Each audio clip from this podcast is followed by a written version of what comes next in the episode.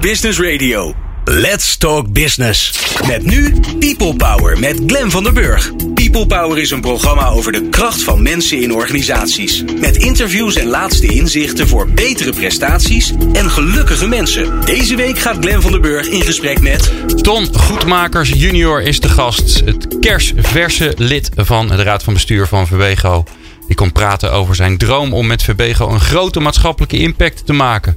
Ja, wij zijn natuurlijk heel erg geïnteresseerd waarom dat eigenlijk zo is. En hoe hij dat voor elkaar gaat krijgen. Nou, dat hoeft geen sluitend verhaal te zijn natuurlijk. Dat zou wat zijn als hij dat nu al zou hebben. Maar we zijn wel benieuwd ja, wat voor idee die heeft. Dus dat ga je horen. En als jij nou meer afleveringen van People Power wil horen, dan kan dat. Je kunt je op allerlei manieren abonneren. Dat doe je gewoon via onze website peoplepower.radio. En dat kan ook via WhatsApp. Dan uh, sla je ons op onder je contactpersonen 06 45 66 75 48.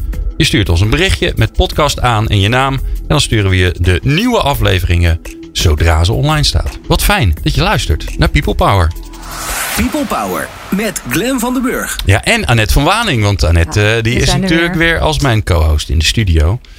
Ja, Annette, leuk dat je er bent. Ja, Weer. super. Toch? Ja, mooi. Het is- eh, bijna de, ja, de laatste aflevering van dit seizoen. De laatste aflevering voor de zomer. Ja, het, de is, het, is, het is bijna vakantie. En eh, Ton Goedmakers junior is in de studio. Zegt iedereen dat er trouwens steeds bij, eh, Ton? Ehm, regelmatig. Ehm, nou, bedankt in ieder geval voor de, voor de uitnodiging hier. Ja. Ehm, wij hebben sinds vorig jaar een regel ingevoerd eh, binnen, binnen Verbego dat mijn vader Ton senior heet. En eh, ik de gewone Ton eh, geworden Oh, ben. kijk, dat is Dus, slim. eh, hij- we hebben zelfs het e-mailadres gewisseld. Want hij had natuurlijk al sinds jaar en dag ton.goedmakers.verbego.com. Ehm, dat is nu ton sr, tonsenior.goedmakers geworden. En ik heb die van hem overgenomen. Ja, oh, wat grappig. Ja, Was een hoop gedoe trouwens. ja, nu Ja. kan iedereen jou mailen. ja. Ja, en nu zie ik wat voor mailtjes hij allemaal krijgt. Dat is ook nog wel interessant. Ja, het is- een, een, letterlijke pensionering, zelfs in hoe je aangesproken wordt. Ja. Kan je nagaan. Ja. Ehm, Ton, jij bent eh, derde generatie eh, in het familiebedrijf. Hoe, hoe is dat? Om, om als derde generatie zo'n bedrijf. Ik bedoel, je, je zit er al langer in, maar nu, ja, nu in de raad van bestuur. Ehm, ja, ik, eh, hoe is dat? Eh, goeie vraag. Ik weet, eh, ik zou bij God niet weten hoe dat niet zou zijn. Ja. dus eh, bij mij is het een gegeven. Ik ben eh, ja, toevallig eh, eh, geboren in Huizen Goedmakers in, eh, in het zuiden van Nederland en Heerlen. En ehm, ja, daarbij kwam dat ik eh, de derde generatie ben van, het, eh, van de oprichters van het Verbego eh, familiebedrijf. En ja, ik vind het een, in die zin een, een godsgeschenk dat ik die mogelijkheid heb. Dat wij die, ja, dat mijn opa destijds met een schoonmaakbedrijf begonnen is. En we ondertussen voor 35.000 mensen een mooie baan kunnen, kunnen verzorgen. En ik heb, ja, ik heb daar wel ook eh, zware nachten over gehad en over nagedacht. eh, wil ik daar wat mee? Want eh, dat is een flinke verantwoordelijkheid als je daarmee mee verder gaat. Ja. En, ik heb je daar, is, het, is het altijd logisch geweest dat je, dat je daar bent gaan werken? Mm, Nee, helemaal niet. Nee? Bij ons was dat eigenlijk helemaal geen, geen, geen, geen item toen ik opgegroeid ben. ik ben. Mijn ouders zijn gescheiden toen ik negen was. En ik ben vooral bij mijn moeder eh, opgegroeid. Eh, was wel iedere week ook bij mijn vader. Maar eh, het Verbego-bedrijf eh, ja, was niet iedere dag aan tafel hoofdonderwerp van gesprek. En mijn moeder, ja, die had daar veel minder mee. Ehm, dus ik ben ja, ik buiten Verbego om opgegroeid. Heb de natuurlijke interesse ontwikkeld. Dat vinden wij ook wel belangrijk. Dat het je niet opgedrongen wordt. En eigenlijk mijn eerste... Ik heb vakantiewerk gedaan in de schoonmaak. Maar dat mocht niet bij de Hago. Dus destijds bij de Licom. eh, over- de gemeente, gemeentelijke schoonmaak in Heerlen heb ik schoongemaakt. Dat is daarna wel ingelijfd. eh of in die zin in een joint Oh, venture. was eh. toen- Joint venture, ja. Toen zijn ja, daar heb ik, eh, heb ik al eh, wat aan gedaan destijds. Maar toen jij daar ging- 16 was. Toen je daar ging werken, toen... toen 4 gulden 10 verdiende ik toen geloof ik. het was zat. ja, het was meer dan Maar genoeg. toen je daar ging werken, was dat nog geen onderdeel van Verbego? Nee, nee, nee. dat Dus jij was een soort stiekem vooruitgeschoven post toen al? Ja, nou, volgens mij 16e. wilden ze me gewoon niet bij Hago hebben. Dus eh mocht ik trappenhuizen gaan schoonmaken in de, in de Rozenstraat in Heerlen. Dat was eh, ongeveer de, de buurt waar eh, ongeveer iedere, Annette moet lachen, waar ongeveer iedere maand wel iemand neergeschoten werd. gezellig. Dus, Heel veilig. zeer avontuurlijk, maar, eh, maar wel leuk. Ja. En hoe is dan toch die, eh, die, die stap naar dat, eh, naar dat familiebedrijf gemaakt? Als, je daar, ja, als, het, als het eigenlijk in je jeugd nou, het speelt natuurlijk wel een rol, maar niet, niet een hele grote rol heeft gespeeld. Ehm, ja, ja je mer- dat merk je. Eh, ik, ik had daar natuurlijk interesse voor. Ik vond het toch wel spannend wat, me, wat mijn vader deed. Ehm, we hadden Tens uitzendbureau destijds nog. Eh, dus mijn vakantiewerk, dat regelde ik wel via het uitzendbureau natuurlijk. Ehm, ja, het was toch wel spannend, al die mensen. Hè. In het zuiden van eh, Nederland, een hele hoop mensen die daar wonen, werken op een of andere manier bij, bij Verbego. Dus je krijgt er wel mee te maken. Ehm, en ik ben toen, toen ik mijn rijbewijs had, toen mocht ik wel eens mijn vader, als ik, eh, ik studeerde en als ik dan vrij had, dan kon ik mijn vader chauffeuren. Wat heb je Eh, gestudeerd? Ik heb eh, een jaar rechten gedaan, maar dat was niet zo'n knaller. Het was wel gezellig, maar... Het was wel een de knaller, maar... studiepunten, de studiepunten die, die, die, die- ik kwam tot acht aan het eind van het jaar. Dat was niet genoeg. Toen heb ik management, economie en recht gedaan. En daarna financiële bedrijfskunde nog. Oké. Ehm, masters. En maar toen ik, eh, ja, mijn eerste jaar rechten, toen had ik nogal wat vrije tijd. Dus toen reed ik mijn vader. Eh, ik vind rijden leuk. En hij, mijn vader had destijds een hele dikke Mercedes eh 600 SEL. Zo'n vierkant. Ik weet niet of jullie hem nog kennen. Maar dat was natuurlijk als 18-jarige wel gaaf om in, te, om in te mogen rijden. Ja. Dus dan ging ik hem brengen naar een afspraak ergens. En dan kon ik een beetje rond gaan, eh, rond gaan karren. Het is allemaal goed gegaan hoor. Dus, eh, en dat, ja, en toen eh, eh, hoorde ik ook veel van mijn vader over eh, ja, de gesprekken die hij had Mhm. en de afspraken. En dat, ja, ergens vond ik dat, vond ik dat leuk. Dus Ja. Ooit ergens anders gewerkt? ik ben begonnen bij eh ehm Katoen Natie. Dat is een logistiek bedrijf, ook een familiebedrijf uit de haven van Antwerpen. Dus ik heb na mijn studie in eerste instantie twee jaar bij, in de logistiek in de haven van Antwerpen gewerkt. Mhm. Eh, in de productie van, eh, van auto's. Daar werd, destijds had je een fabriek eh, in Antwerpen waar de Opel Astra gemaakt werd. Ik weet niet wie er nog een gehad heeft hier, maar Ja. die heb ik misschien gedeeltelijk in elkaar geschroefd. Dus ik hoop dat die. Doet. Ja, wij, le wij leverden onderdelen aan de productielijn van General Motors. En eh, dat was 24 op 7 eh, just-in-time delivery. Eh, daar was ik eh, eh, operationeel manager samen met iemand anders. eh, Mhm. toen ik eh, 24 was of zo. Dus dat was een erg eh, uitdagende functie. Ook met zo'n grote multinational samenwerker als General Motors. Daar heb ik geleerd wat eh, stress hebben is. Ehm, daar was geen tijd om te eten. Ik heb toen geloof ik, eh, ik, ik denk dat ik toen voor anorexia in aanmerking zou komen. Met, eh, want dat was eh, echt alleen maar stress. Hm. Twee jaar gedaan. Veel met ook criminele mensen met eh, crimineel verleden gewerkt. Want die, eh, dat waren de enigen die bij ons wilden werken. Want het werk was niet zo heel, eh, heel spannend. Maar daar heb ik eerst gewerkt. En toen ben ik gevraagd bij Verbego te komen. We hadden een bedrijf overgenomen.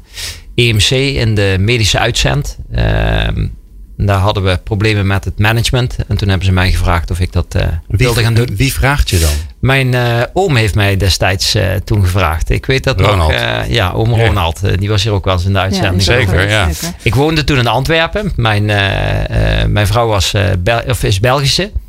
Ehm, en we hebben elkaar in Nederland ontmoet. En ze zei, ik wil best bij je blijven. Maar dan gaan we wel in België wonen. Want ik heb wel een beetje genoeg van de, eh, om tussen de Nederlanders de te wonen. Hollanders. Van de Hollanders. Dus zijn we in Antwerpen gewonnen. En ik weet nog, eh, toen fietste ik eh, door de Nationale Straat. En toen belde mijn oom, mijn oom mij, oom Ronald.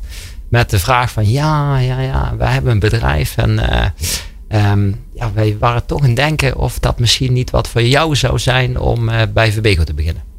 Grappig. En van het een kwam het ander. Was na twee jaar al. eh idee was eigenlijk vijf jaar eh, buiten het bedrijf werken. Maar dat eh, is wat, heeft wat korter Oh, je had wel een soort van een plan van ik ga eerst vijf jaar wat anders doen en dan kijk ik wel of ik... Nou, dat, was, dat is onze regel die zowel bij mijn oom, zowel bij mijn zus, zowel bij mij niet ingehouden is. Ja, ja. Dus dat is een ongeschreven regel binnen de familie dat je toch eerst, Eerst naar buiten. ervaringen opdoet buiten het Oh, slim. bedrijf. Ja, Ja, als, Ja. Je, als je, als je eraan houdt. er wel ja. houden. Nou, maar het zorgt, als er in, het zorgt in ieder geval voor dat je de stap zet. Ja. En dat je niet gelijk eh, Ja. erin Nou, rolt vanuit bij- je studie. Bij mij was het, eh, ja, het, het was niet eens, het was, het was nooit besproken eigenlijk of ik dat wel zou gaan doen of niet. Ja. Dus eh, ik had. eh, Moest je, daar nog, hard- moest je daar nog hard over nadenken als dan je oom belt?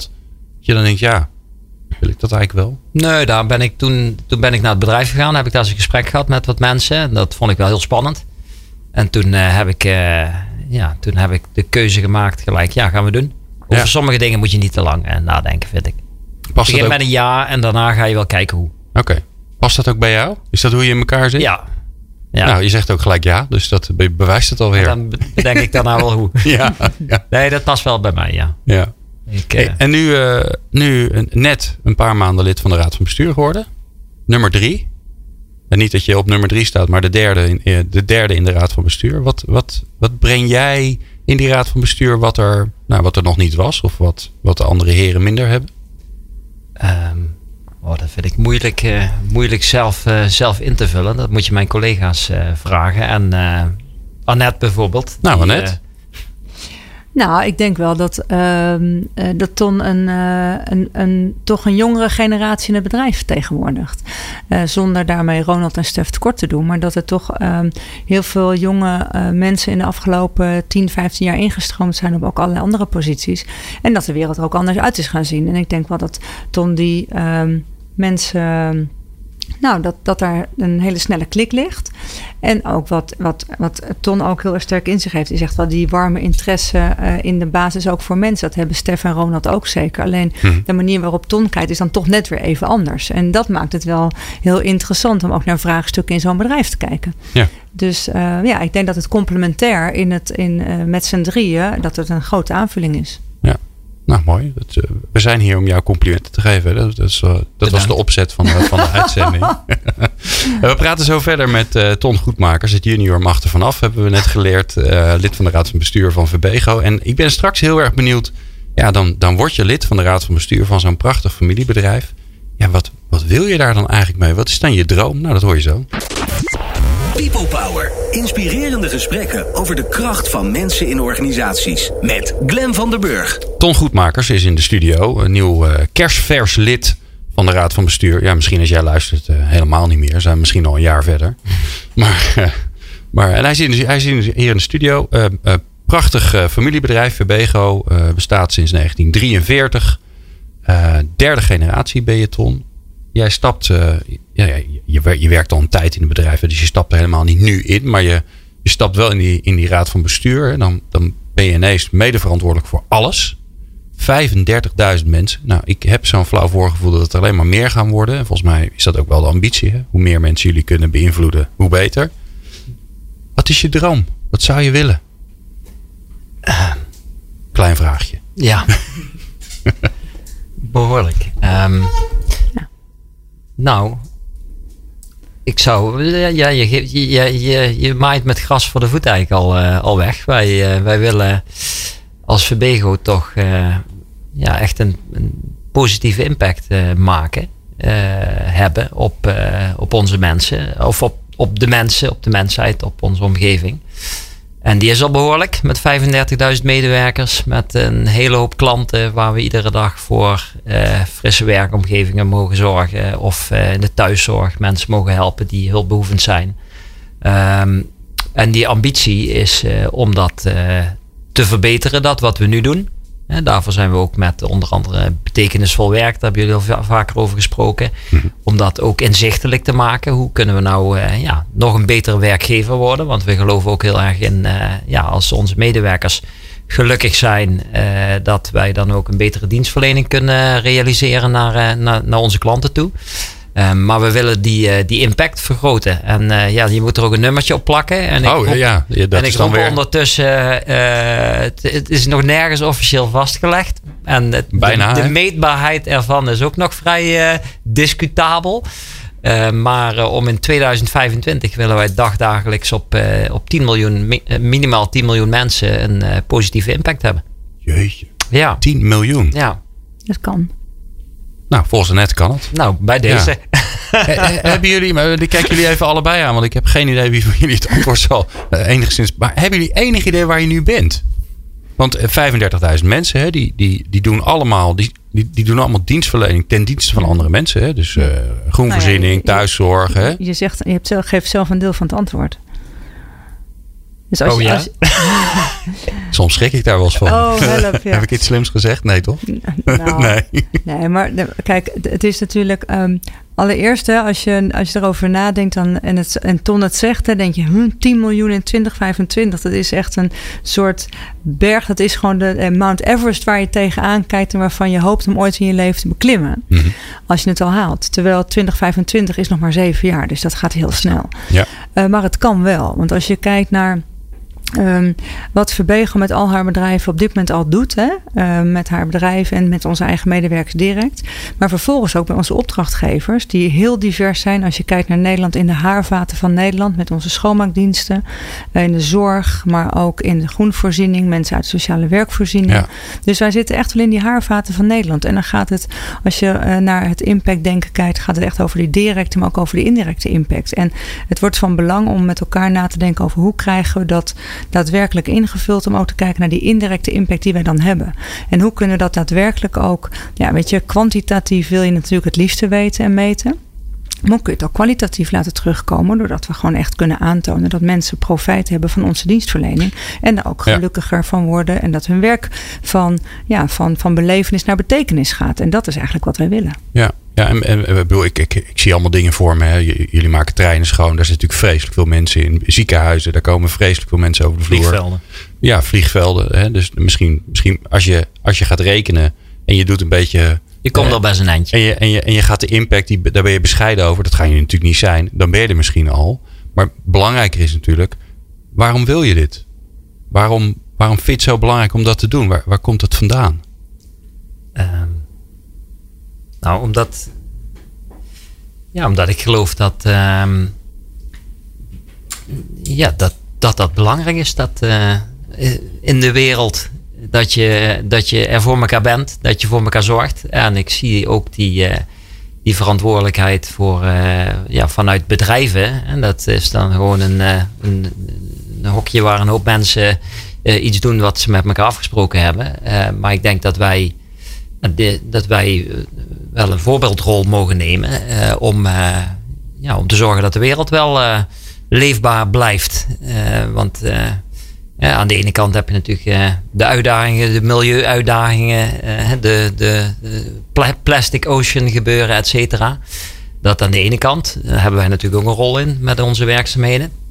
Maar aan de andere kant denk ik ook dat ja, bij mijn persoonlijke uh, beleving zo in de wereld is dat het wel een beetje ieder voor zich uh, gebeuren wordt. En dat we daarmee niet ver gaan komen. Hè? En dat je wel met elkaar de verantwoordelijkheid moet nemen. Maar die kan je ook pas nemen als je met elkaar gemeenschappelijke doelen stelt. Hè? Want dat is ook het voorbeeld vanuit de de United Nations, die heeft ook doelen gesteld om, om uiteindelijk de wereld, de bedrijven in de wereld, de, de landen in de wereld uh, in beweging te, te brengen om, ja, om verstandige dingen te doen. Die zorgt dat een paar generaties na ons ook nog uh, van de wereld uh, gebruik kunnen maken op een prettige manier. Mm -hmm. En ik denk ja, dat wij als Verbego daar ook een rol in moeten spelen.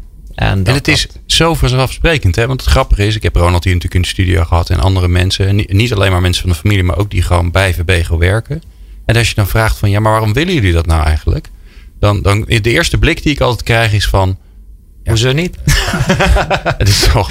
ja, wat een, wat een stomme vraag. Dat is toch logisch. Maar, maar voor heel veel mensen is dat niet logisch. Hè? Dus, dus soms heb je ook een, nou ja, een, een nieuwsgierig mens nodig om, om, om door te vragen over... Ja, maar Hè, als, als iedereen het zo logisch zou vinden, dan zaten we niet met z'n allen in de problemen. Dan was het niet hier en daar best wel een zootje.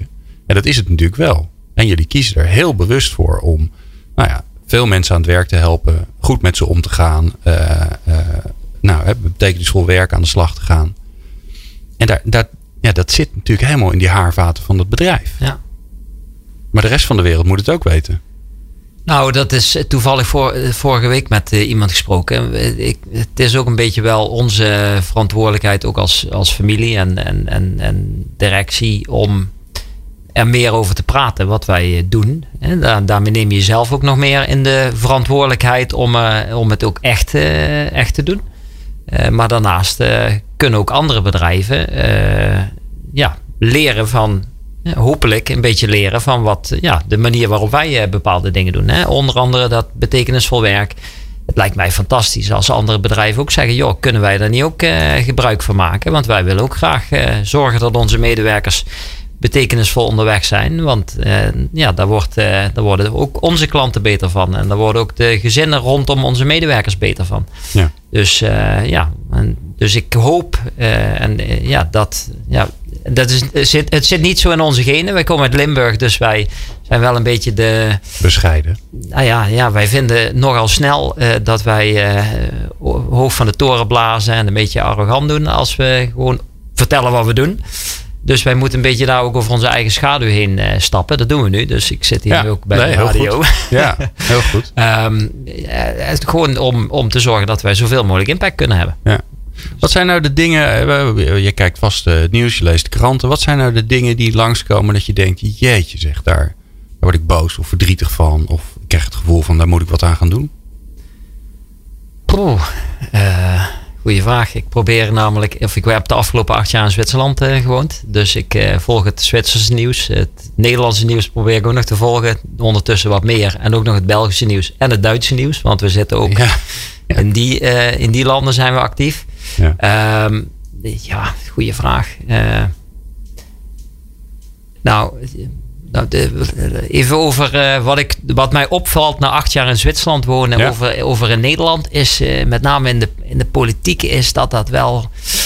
En daar begint het wel mee. Keuzes maken, de juiste keuzes maken. Daar zijn ze wel heel erg ja, bezig om gewoon de, uh, op, ba ja, op basis wat dan toevallig uh, in het nieuws is. En dan gaan ze allemaal erover roepen. Ze zijn niet echt met lange termijn uh, dingen bezig. Is dat in Zwitserland anders? Wordt, Zie je echt ja, een verschil? Da daar heb je onder andere de, de politieke structuur is dat er um, dat het, um, het of, ja, de ministers, die, een deel van de ministers, die, die hebben overlap altijd. Er wordt niet iedere vier jaar een heel nieuw een hele nieuwe ah. regering gekozen. Dus je hebt daar veel meer, als een familiebedrijf, eigenlijk veel meer continuïteit. Um, dus daar worden gewoon om de zoveel jaar worden er een aantal vervangen. En dat uh, zorgt toch voor meer uh, ja, beslissingen en keuzes. Uh, ja, wel overwogener. En niet ja, de laatste twee jaar van de vier jaar regeren. Maak je keuzes die zorgen dat je de volgende keer weer gekozen wordt. Ja. Die misschien niet goed zijn voor het land. Dat vind ik wel.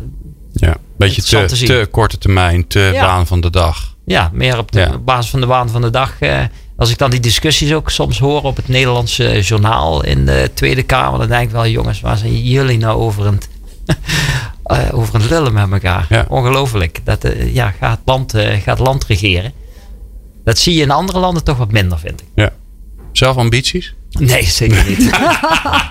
nee, Als zeker doener niet. lijkt me dat ook nee, niet nee, echt de plek voor jou. Nee. Ik vind het mooi. Uh, maar ik, maar de, daarop even voorbeduurd wat ik daarnet zei.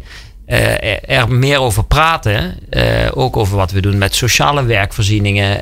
het integreren van mensen die uit het buitenland komen.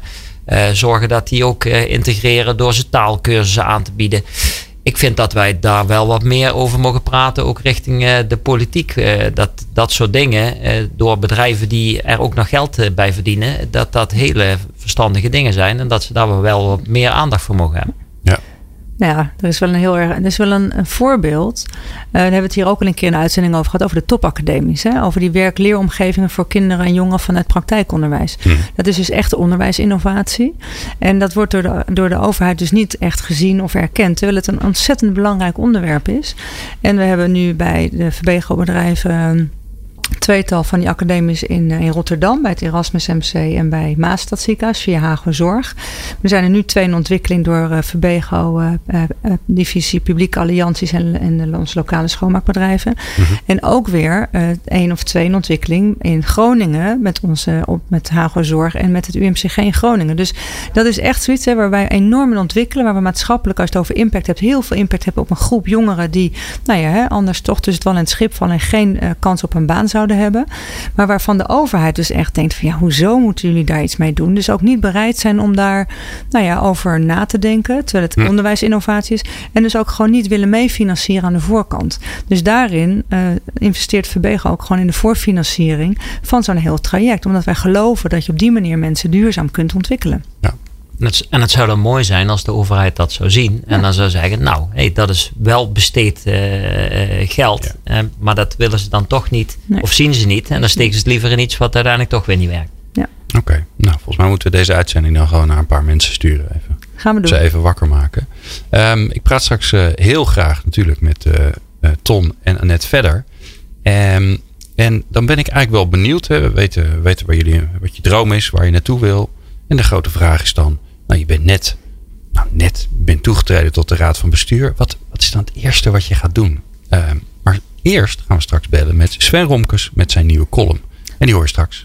People Power met Glen van der Burg. Meer luisteren? people-power.nl ja, we hebben, je hoort hem al. We hebben Sven Romkes, eh, die uh, doet altijd maandelijks voor ons een fantastische column.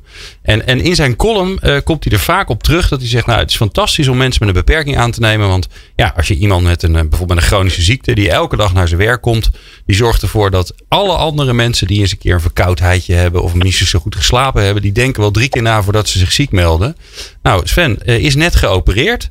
Hij vertelde me net dat hij ongeveer op 43% van zijn normale kracht zit. En dus is hij gewoon aan het werk. Sven.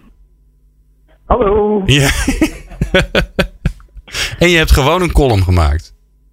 Ja, een korte. Ja, dat lijkt me een uitstekend plan. Want je moet wel een beetje goed voor jezelf ook zorgen. Hè? Waar gaan we het over hebben? We gaan het hebben over dispensatie. Alright, kom maar op. Nou, ik moet zeggen, um, uh, dispensatie is momenteel veel het nieuws. Uh, omdat de overheid heeft zichzelf een dispensatie gegeven.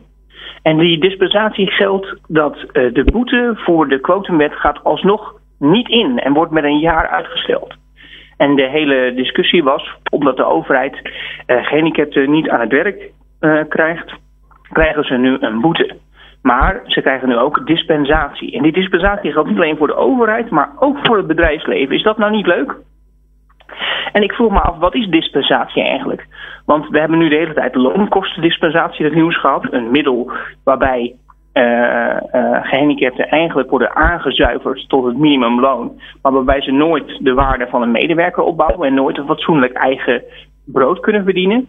Uh, Waardoor ze eigenlijk een soort dispensatie krijgen om niet mee te doen in de maatschappij. En uh, normaal krijg je dispensatie als je iets heel erg graag wil. Uh, maar je mag het niet. Bijvoorbeeld uh, in de kerk krijg je dispensatie als je om te trouwen bijvoorbeeld. Als je toch verliefd bent geworden en je bent onderdeel van een bepaalde kerk. En dat zou normaal niet mogen. Dan kun je dispensatie aanvragen om toch mee te mogen doen in de maatschappij. Nu is het zo dat je normaal dispensatie krijgt als je iets bijna gehaald hebt. En ehm, dat verbaasde mij, omdat de overheid zou normaal ongeveer 10.000 banen moeten hebben gecreëerd. En de teller staat op iets meer dan 500. Dat is niet bijna. Dat is alsof je zegt, ik ga de tuin verbouwen. Je zet één plantje van links naar rechts en dan is het klaar. Dus ik vind het een beetje onterecht om daar nou meteen dispensatie voor te geven. En het is ook niet zo dat het bedrijfsleven die dispensatie nodig had om de quotumboete verder uit te stellen. Want zij hebben eh, de banenafspraak zeker met 10.000 banen overtroffen. Dus geen enkele dispensatie nodig. Maar dan weet ik het goed gemaakt. Als de overheid nu eigenlijk besluit om en een fatsoenlijke banenaanjager vanuit de overheid aan te stellen uit de doelgroep zelf en de banenafspraak samen te voegen voor het bedrijfsleven en, uh, en, en de overheid zelf. Dus één banenafspraak.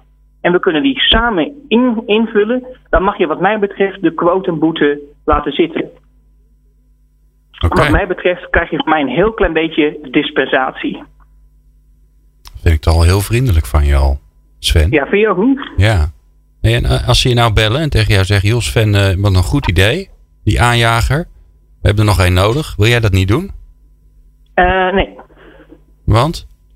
Uh, dan, moet er een, dan moet er ook echt mandaat bij zitten. Oké, okay, dus dan wil en je ik gewoon... heb tot nu, toe, tot nu toe nog niet heel veel goede dingen gezien vanuit de overheid. Maar als ze echt goed bod doen... uh, tuurlijk denken we erover na. Maar er zijn wel betere gehandicapten te bedenken dan ik zelf hoor.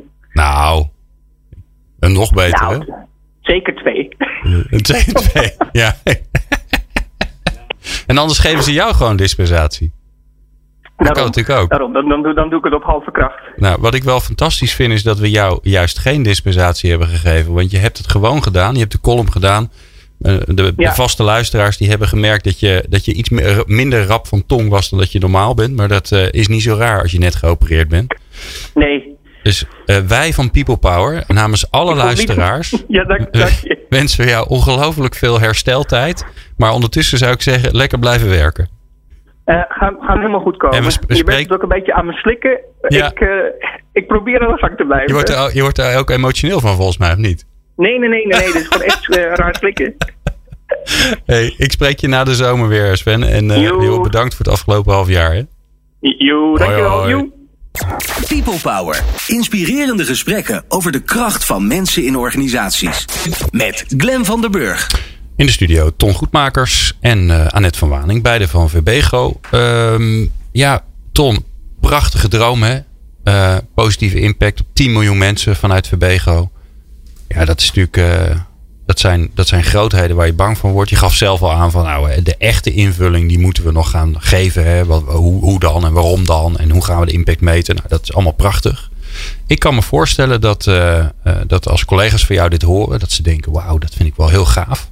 Ik kan me ook voorstellen dat ze denken: jeetje, Mina zeg, hoe dan?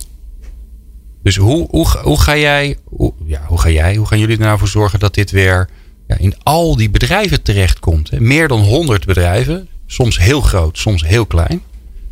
Dat lijkt me een spannende uitdaging. Nou, dat uh, is het ook. Uh, dat, kan ik je, dat kan ik je zeggen. Maar zoals ik al in het begin zei, het begint. Uh, het begin je moet een doel voor ogen hebben wel.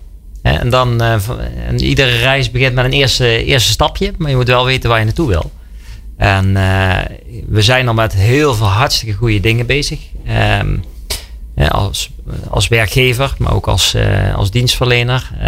Verantwoordelijkheid voor onze maatschappij. Um, dus we doen al een hele hoop wat daarop, wat daarop aansluit. Um, maar wat, ja, hoe, hoe doe je dat nou? Dat is een, dat is een goeie. Kijk, uiteindelijk moet je het, moet je het ook in kleine stukjes op, op gaan breken. Um, en uiteindelijk moet iedereen een gevoel gaan krijgen bij wat draag ik daaraan bij en wat kan ik daaraan bijdragen. Iedere mensen moeten er enthousiast van gaan worden. Uh, denken van ja, hey, daar wil ik aan meedoen. Mm -hmm. we're on a mission together. En je kent het verhaal van John F. Kennedy, die een keer een schoonmaker vroeg op, bij de NASA: wat doe je hier? En putting a man on the moon. Ja. ja uiteindelijk, hè, het is een beetje cliché, maar uiteindelijk komt het daar wel op, op neer. Um, en dat, uh, ja, dat heb ik ook wel voor ogen, omdat ook binnen Verbego hè, toch uh, bij de mensen ja, uh, ja, tussen de oren te, te krijgen. En dat is, dat, is, een, dat beetje, is een hele grote uitdaging. Dat, is dat eindplaatje wat je hebt? Dat je, dat je gewoon eigenlijk willekeurig een bedrijf binnen kan lopen en tegen iemand kan zeggen: Goh, wat ben je aan het doen? En dat je dan, dat je dan eigenlijk de, ja, de, de maatschappelijke missie van het bedrijf hoort, doorklinken? Ja, ik denk dat wij uh, met elkaar over impact uh, moeten gaan praten. Hè? Van wat, ja, wat, wat is jouw impact uh, in, jouw, in jouw werk? Hè? Dat kan een inter, vanuit een interne afdeling zijn, maar ook de schoonmaker hier op het bedrijvenpark in, in Hilversum ook daar uh, kan je, ja, ook die uh, levert een hele wezenlijke bijdrage hier op kantoor. En zorgt dat jij ook uh, hier een frisse werkplek ja. ter beschikking hebt. En ja, een mooie radio-uitzending kunt, kunt maken. Maar dat begint met vooral veel met mensen praten. En dat is ook dit jaar, ik ben, ben nu begin dit jaar begonnen in mijn, in mijn functie. Ja, dus vooral veel met mensen praten, luisteren horen, nieuwsgierig zijn. Uh, en vanuit daar uh, je, je verhaal ook gaan, uh, gaan vormen en, en creëren. Maar ja, het is, een, het is een uitdaging. Maar ja, anders zou het ook ja, saai zou er niks hè? aan zijn. Nee, dat snap ik. En wat heb je nou... En wat jij, je vertelt, ik ga, ik ga naar een bedrijf toe, ga met mensen praten. Ik ben nieuwsgierig. Wat gebeurt hier? Wat, waar zijn jullie mee bezig? Wat heb je nou gehoord waar je, ja, waar je heel blij van werd, trots? Je denkt, ja, dat is het. Dat is wat we moeten doen. Um, nou, een aantal dingen. Kijk, wat ik heel mooi vind om te horen als ik met, uh, met schoonmakers uh, spreek. Hè. We, laatst stond er wat over een, uh, een collega van ons die bij, die bij, het, MEC, die bij het MEC werkt. In, in Maastricht, de, die grote, kunst, de grote kunstbeurs. Mm -hmm. um, heel belangrijk werk wat wij daar dan ook doen. In een hele, nou ja, een omgeving met miljoenen aan kunst. En uh, ja, dan, dan, dan hoorde je gewoon van, van, van die dame dat uh, haar, zij ervan genoot om te zorgen dat, dat, uh, dat het evenement een succes werd. Dat alle mensen die daar rondlopen een fijne dag hebben en ervan genieten. En dat zij daarvoor ook ja, van ochtends vroeg tot s avonds heel laat dat werk doet. En dat, ja, dus die voorbeelden zijn er al genoeg. En het is vooral ook het net ophalen en dat, dat gaan vertellen. Um, kijk, en je moet. Kijk, er zijn ook mensen die willen, die kijken eerst de kat uit de boom en die denken, ja, laat maar lullen. Is mij ook wel, uh, is mij ook wel duidelijk. de criticasters, maar daar moet je niet op gaan, gaan focussen. Je moet creating a movement. Je moet de mensen die wel wat eerder enthousiast worden, die moet je mhm. gaan mee, meenemen en die groep steeds steeds groter maken. En een ander mooi voorbeeld, als ik het even mag geven, is uh, over impact hebben, is toch uh, dat iemand die, uh, die met de bouwreis is, is meegeweest. En die, die daarna ook aangaf dat die bouwreis haar de ogen heeft geopend. ja, waarvoor zij hier op, ja, die, waarvoor zij hier eigenlijk op aarde is. dat, dat haar roeping ligt in het mensen helpen. Wow. En uh, dat dat nog duidelijker geworden is. Maar vooral ook, en dat vind ik belangrijk aan zoiets als de bouwreis. Dat die mensen uh, die dat doen. Uh, ik ga trouwens in oktober ook. Oktober? Ja, ga ik ook op bouwreis. Um, dat de ervaring die zij opdoen, dat ze die meenemen naar huis. En vertellen aan hun familie en vrienden over wat ze daar hebben meegemaakt. En ik geloof ook juist in die de, die olievlek, het olievlek-effect, dat die mhm. persoon eh, ook de mensen eh, of zijn of haar omgeving eh, beïnvloedt om wat bewuster met, met de wereld om te, om te gaan. Dus, ja. en nou ben jij de, toegetreden tot de raad van bestuur. Dus je hebt macht. Zo heet het dan mooi, hè? Niet dat die onbeperkt is natuurlijk, want met 35.000 mensen is het nog steeds lastig om ze allemaal te bereiken. Wat, is nou, wat zijn nou de eerste dingen die jij hebt gezien of gehoord dat je denkt van nou daar moeten we mee aan de slag? Um, nou, wij, wij laten als bedrijf nu, hè, we zijn een groot bedrijf met heel veel uh, uh, bedrijven binnen de groep. Um, we doen heel veel dingen hartstikke goed. Um, maar op een of andere manier zijn wij, laten wij heel veel mogelijkheden liggen uh, door niet van elkaar te willen leren en mekaars ervaringen en kennis en kunde te, te delen en ook uh, te gebruiken en te benutten. Het not invented here syndroom. Als iemand anders het bedacht heeft, dan vind ik het uh, sowieso een slecht idee.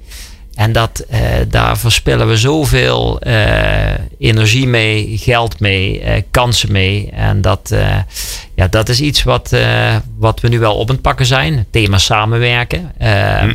Het klinkt klinkt simpel, maar iedereen weet dat dat het vooral niet, uh, niet is. Uh, en daar, kijk, dat, daar kan je mee beginnen, maar daar zitten natuurlijk een hele hoop factoren achter. En dat is ook je beloningssystematiek. Uh, ja, als, als de, de, de top in de organisatie, waar, waar besteed je je aandacht aan?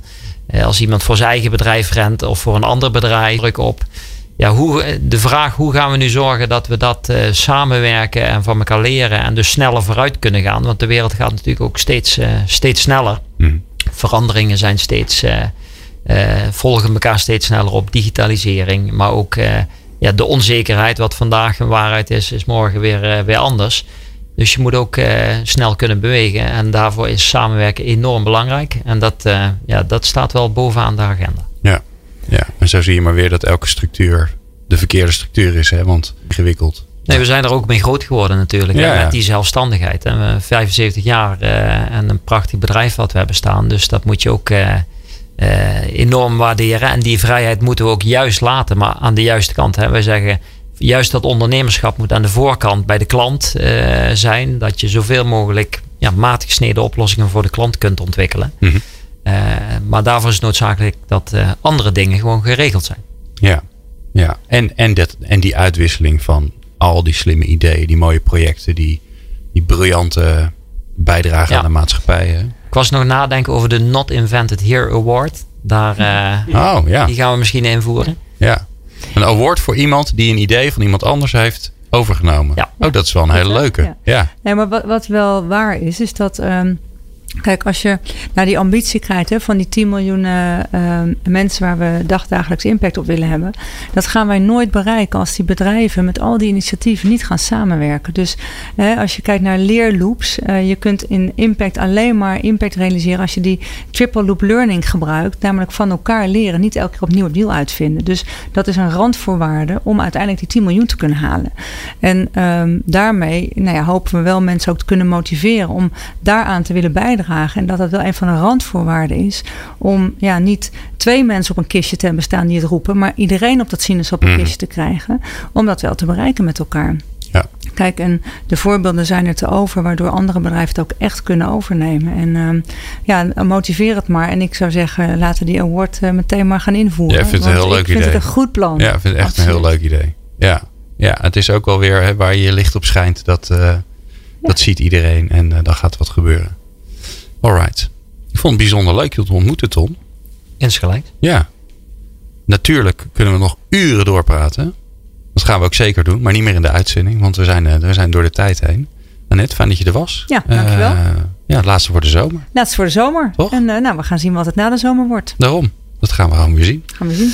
Um, wij zijn er volgende week weer. Het is niet te geloven. Ja, wij, uh, voor ons is het nog geen... Ja, het is wel bijna zomer. Maar we, we gaan nog niet stoppen. We gaan nog door tot, tot begin juli.